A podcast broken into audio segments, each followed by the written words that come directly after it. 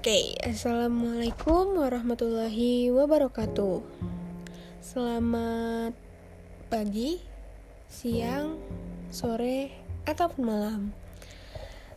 Oke, dalam podcast kali ini saya akan memperkenalkan diri terlebih dahulu.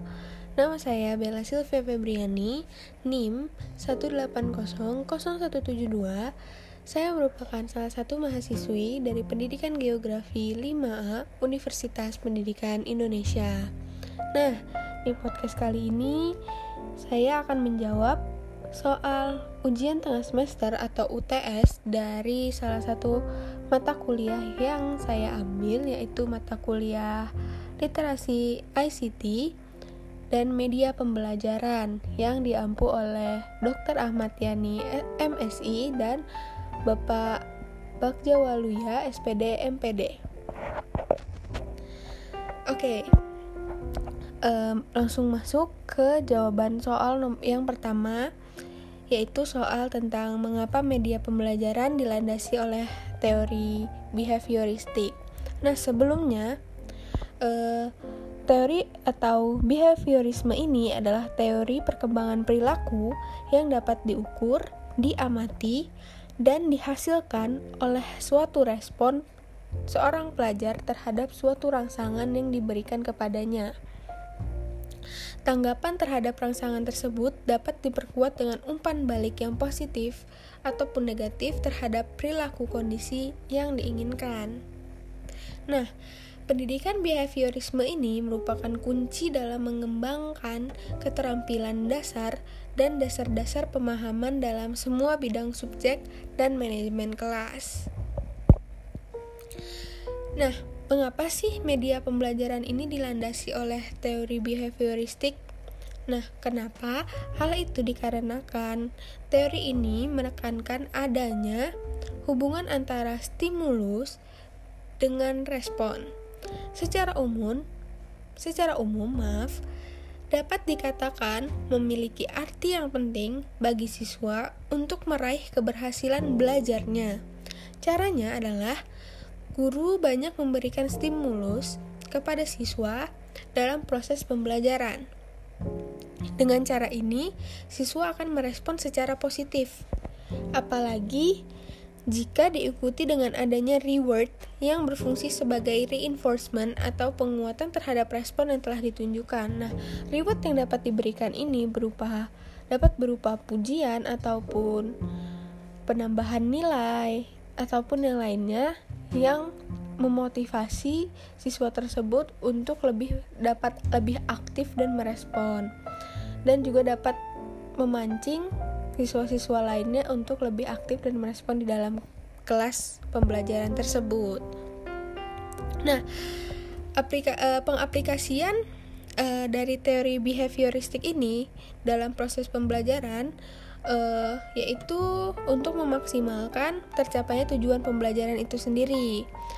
Tetapi, seorang guru perlu menyiapkan dua hal dalam pengaplikasian teori behavioristik ini. Yang pertama adalah dengan menganalisis kemampuan awal dan karakteristik siswa-siswa sebagai subjek yang diharapkan mampu memiliki sejumlah kompetensi sebagaimana yang sudah ditetapkan dalam standar kompetensi inti dan kompetensi dasar. Perlu kiranya dianalisis kemampuan awal dan karakteristiknya. Yang kedua adalah merencanakan materi pembelajaran yang akan disampaikan.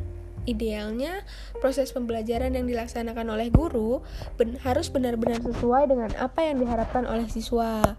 Juga sesuai dengan kondisi siswa, sehingga di sini guru tidak akan berharap lebih, tidak akan overestimate ataupun underestimate terhadap siswa tersebut.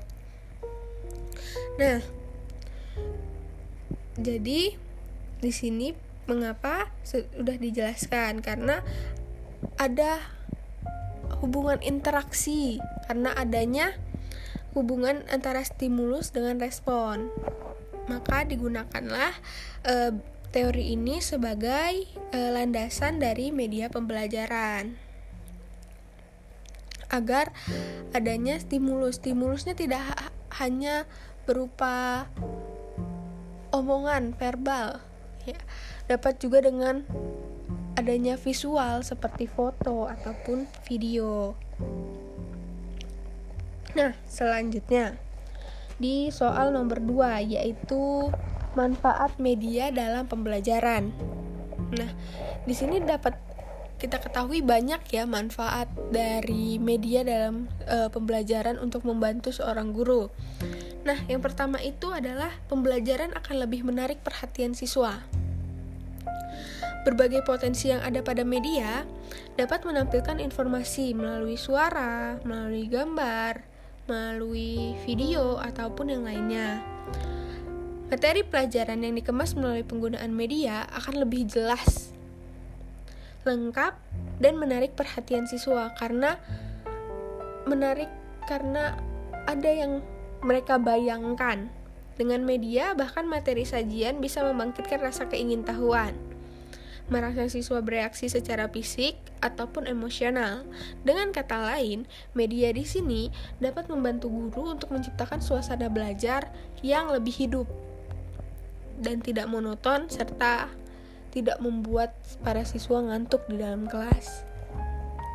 Yang kedua, bahan pembelajaran atau bahan pembelajaran akan lebih jelas maknanya sehingga lebih dipahami karena dengan berbagai media pembelajaran yang digunakan dapat membantu para siswa untuk lebih mudah memahami materi yang akan diajarkan. Yang ketiga adalah efisiensi dalam waktu dan tenaga. Nah, di sini dalam penggunaan media pembelajaran, guru tidak harus menjelaskan secara terus-menerus, tidak harus guru yang menjelaskan materi itu secara detail, tapi dengan bantuan media pembelajaran seperti video ataupun video animasi ataupun yang lain dapat membantu guru untuk untuk membuat para siswa paham akan materi tersebut walaupun tidak dijelaskan secara langsung oleh sang guru. Yang keempat adalah proses yang keempat adalah proses pembelajaran lebih interaktif.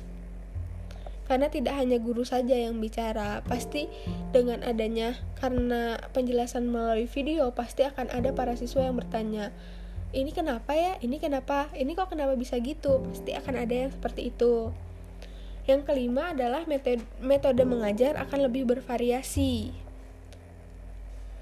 Selanjutnya yang keenam adalah siswa lebih banyak melakukan kegiatan belajar sebab tidak hanya mendengarkan uraian dari guru, tetapi juga aktivitas lain seperti mengamati, melakukan, mendemonstrasikan, dan yang lainnya.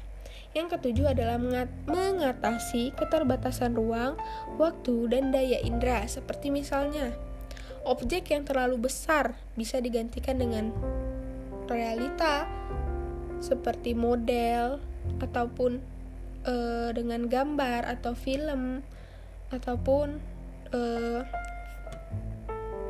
film bingkai. Yang selanjutnya adalah objek yang, yang terlalu kecil dapat dibantu dengan proyektor mikro untuk lebih membesarkan ataupun dengan gambar yang ada, gambar visual yang ada yang lebih jelas untuk melihat uh, objek yang terlalu kecil tersebut. Nah, yang selanjutnya adalah gerak yang terlalu lambat atau ter terlalu cepat dapat dibantu dengan time lapse atau high speed photography. Nah, kejadian atau peristiwa yang terjadi di masa lalu. Ya, contohnya jika di pelajaran sejarah dapat ditampilkan lagi lewat reka, uh, lewat rekaman film, video ataupun foto karena kejadian atau peristiwa di masa lalu kan tidak dapat diulang. Selanjutnya adalah objek yang terlalu kompleks, seperti misalnya mesin, disajikan dengan model, diagram, dan yang lainnya. Konsep yang terlalu luas seperti bencana, bencana gunung berapi, ataupun gempa bumi, tsunami, ataupun yang lainnya, dapat divisualisasikan melalui bentuk film ataupun gambar atau foto. Nah, yang kedelapan adalah media pembelajaran dapat dirancang sedemikian rupa sehingga siswa dapat melakukan kegiatan belajar lebih leluasa kapan pun dan di mana pun tanpa tergantung pada keberadaan seorang guru. Seperti yang sedang kita rasakan sekarang. semua serba dirumahkan. Kegiatan termasuk kegiatan belajar mengajar ini sendiri sedang dirumahkan. Dengan bantuan adanya media dengan bantuan media pembelajaran ini sendiri akan menyadarkan siswa betapa banyaknya sumber belajar yang dapat mereka manfaatkan untuk belajar di luar sekolah itu sendiri ataupun di luar dari penjelasan seorang guru. Selanjutnya adalah soal nomor 3 yaitu efektivitas penggunaan media pembelajaran dalam mata pelajaran geografi. Menurut saya sendiri, materi pembelajaran geografi uh, lebih baik dan lebih efektif disampaikan dengan menggunakan media pembelajaran daripada tidak menggunakan media pembelajaran sama sekali. Dengan media pembelajaran geografi yang sudah dipersiapkan oleh guru, seperti PowerPoint ataupun media grafis ataupun infografis itu sendiri ataupun guru yang menugaskan untuk membuat media grafis ataupun yang lainnya diharapkan siswa dapat lebih tertarik untuk mempelajari pokok bahasan yang akan disampaikan sehingga dapat meningkatkan hasil belajar. Nah, penggunaan media pembelajaran ini sendiri yang tepat dalam proses kegiatan belajar mengajar dalam pelajaran geografi akan sedikit banyak mempengaruhi siswa dalam mengikuti pembelajaran. Semakin besar keinginan siswa dalam mengikuti pembelajaran, semakin besar pula keinginan siswa untuk memperhatikan pelajaran yang sedang berlangsung. Secara optimalisasi terhadap tujuan belajarnya juga akan tercapai. Dalam pelaksanaan proses belajar mengajar pada pelajaran geografi di kelas, peristiwa atau materi geografi tidak mungkin hanya diterangkan oleh guru di depan kelas saja. Hal ini disebabkan pengajaran geografi lebih besar pada pemahaman, penerapan, dan pengamatan secara langsung ataupun praktek di lapangan pada suatu fenomena yang terjadi di seluruh alam. Sehingga akan lebih jelas jikalau seorang guru dalam proses belajar mengajarnya menggunakan bantuan media yang tentunya berhubungan dengan materi yang akan disampaikan. Media yang dapat digunakan sebenarnya banyak, tidak hanya PowerPoint, media, media grafis ataupun infografis. Masih banyak media yang dapat digunakan dalam uh, dalam proses belajar mengajar dalam uh, dalam pelajaran geografi ini sendiri yang tentunya sebenarnya menampilkan lebih banyak visual agar agar materi yang disampaikan terbayang oleh oleh siswa tersebut. Misalnya materi tentang bencana agar lebih tersampaikan, tersalurkan apa yang ingin disampaikan oleh seorang guru. Karena belum tentu jika hanya disampaikan melalui kata uraian seorang siswa akan paham. Bisa saja mereka harus melihat dulu visualnya agar mereka lebih membayangkan apa apa itu bencana itu, apa itu bencana tsunami, apa itu bencana gempa, misalnya seperti itu. Nah, e, tentunya oleh karena itu e, pemanfaatan media dalam proses belajar mengajar di dalam pelajaran geografi ini dipandang sangat perlu dalam rangka yang seperti sudah saya sampaikan tadi, memvisualisasikan peristiwa sedemikian rupa sehingga siswa lebih mudah untuk menangkap ataupun memahami gambaran atau fenomena yang sedang terjadi di alam ini. Nah, seperti yang sudah sam saya sampaikan, jadi memang penting penggunaan media pembelajaran yang menampilkan visual di dalam pembelajaran geografi ini untuk agar para siswa lebih mengerti tentang apa sih fenomena-fenomena yang sedang terjadi di sekitarnya.